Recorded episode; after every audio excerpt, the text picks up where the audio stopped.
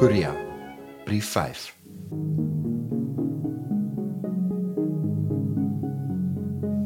Ek het nooit gesê dat niemand gesê dit gaan nooit gebeur nie. Dit is 'n fietsryer se lot. Maak nie saak waar jy in die wêreld ry nie. Jy gaan enetjie in die mond vat. Ek praat van 'n gogga wat heel moontlik net besig was om sy daaglikse roetine uit te voer toe 'n jong jaagduiwel op 'n tweewiel met 'n oorgrootte pizza onder sy arm sy hele toestand as bedrewige en insekryk getroue Chungjungian bederf en vir altyd beëindig het. Margo het so deur die dag 'n paar keer laat weet hoe dit gaan in SMS'e met emojis wat ek dikwels nie die betekenis van verstaan nie. Ek moes die week 2 keer op na haar skool toe gaan in die Boedorp want daar's 'n bietjie personeelverskywings wat gebeur. Die een Koreaanse kerel met die naam van Kevin moes weermag toe. Die later het vir jare lank vrygespring. As jy glo genoeg verskonings kan opmaak spesifiek rondom religieuse of vrywilliger werk, gee hulle jou vrywaring, maar hulle vee nie jou naam van daai groot swart weermagboek af nie. Dis soos 'n tand met 'n klein gaatjie of 'n middelmatige grootte piepie. Sy teenwoordigheid mag dalk vir 'n kort wyle van die radar af verdwyn, maar hy laat weer vinnig van hom hoor en gehoor sal van selfsprekend een of ander tyd aan hom gegee moet word. Kevin was oor Amerika toe waar hy as 'n opera sanger opgelei is en keer toe terug tuis op 27 jarige ouderdom en begin skool gee. Maar ons dink sy lus vir geld het 'n bietjie dominant geraak en die vrywilligheidsmotief is effens op die agtergrond geskuif. Hy het sy papiere so 2 weke terug gekry en geen plan wat hy kon beraam kon om uit die verpligtinge kry nie.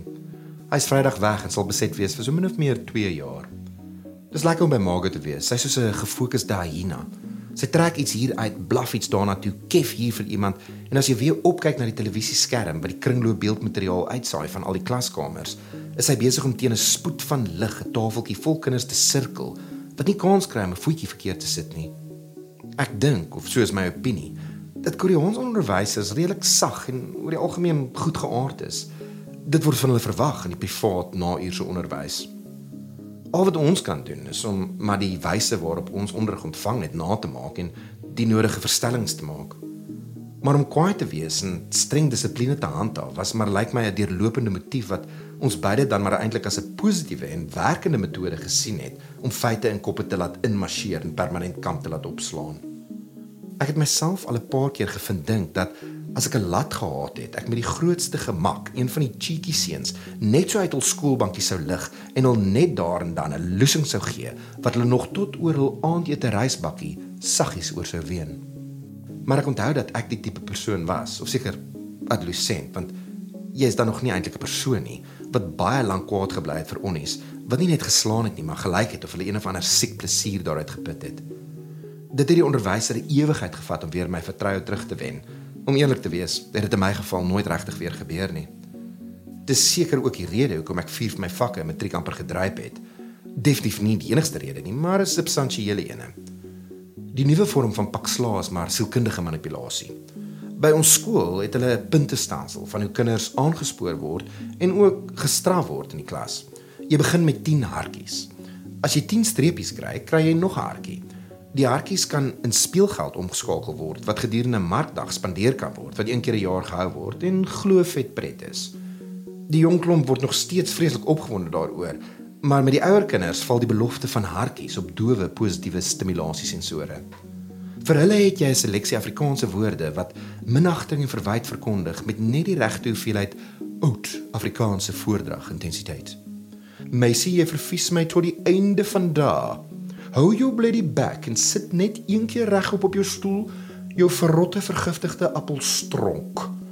Sit daar die bloody stuk uitveer neer, hou verdomp op om jou potlood skerp te maak en lees die volgende sin asseblief. Maar soos ek gesê het, dis lekker om by Margus se skool te wees. Dis nie so alleenig nie. My kollegas is maar 'n klomp afgesaagdes en dis eintlik net die kinders en hul klein ontwikkelende persoonlikheidjies wat interessant is. Hul groot oogies wat soms so vol gedagtes gevul is soos hulle jou aanstaar dat jy wonder of hulle eintlik besig is om een of ander vorige lewe te herroep of letterlik ingeskakel is op 'n Koreaanse gedagtekanaal wat jy net nooit toegang tot sal hê nie. Ek moes vandag bankgoed uitsorteer. Ek sukkel met enige vorm van motivering as dit kom om met iemand sake te bedryf wat nie 'n snarsie kan verstaan selfs met my uitbondige mimiek wat my woorde te paart gaan nie. Ek kry dit nou al reg om dit 3 dae lank uit te stel. Elke keer het iets verkeerd gegaan, maar ek het dit tot die naweek gedruk en nou gaan dit eers maandag gebeur. Maar ons almal ken daai versie op die punte van ons vingers.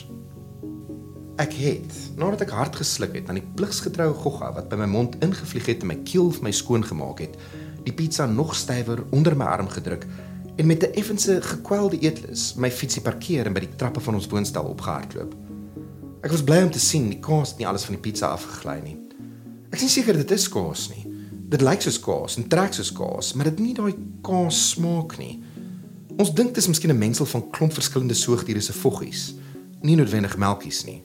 Saam met die pizza het ons bier en soju genuttig, want na 'n week van om jouself te weerhou van om ore te trek en jou hare uit te pluk, is 'n bietjie bloeistof essensieel. Nou dat die skoolvakansie hier is, word die dorpie op sy eie manier rustiger. Die geweldige hitte help dit seker aan en mense kies seker maar die gemak van 'n lugversorgde wonings en stop hulself daartoe. Gebeure soos wat jy dit kan waarneem met jou sintuie in die land van die lewendes is deur LG en Samsung en die land se alomteenwoordige gevorderde internetspoed harde knal gegee. Daar's nie 'n kind wat nie 'n selfoon het nie en as hulle klein is, dra hulle sulke digitale horlosies om hulle nekkies wat ook 'n foon is waarmee mamma enige tyd enige plek met hulle kan kommunikeer. Ons voel voel al so die grond onder ons tone, maar die die druk wat uitgesaai word deur wat ons nog nie weet en verstaan nie, hou ons nog so aan die armklap 'n paar sentimeters bo die grond. Ons word nog van oral af curveballs gegooi en omdat die jou beurt is by die bof, moet jy maar jou hou vat of die skare nou gaan lag en of jy actually 'n houtjie inkry. Ons het ook vandag besef dat as ons nie so ingestel was om geld te spaar nie, ons 'n redelike gemaklike lewe sou kon lei. Maar soos die liewe vroutjie opgelet het, dit sou uiters dom wees om dit nie nou te doen nie. Bly gaaf, net goeie goeders.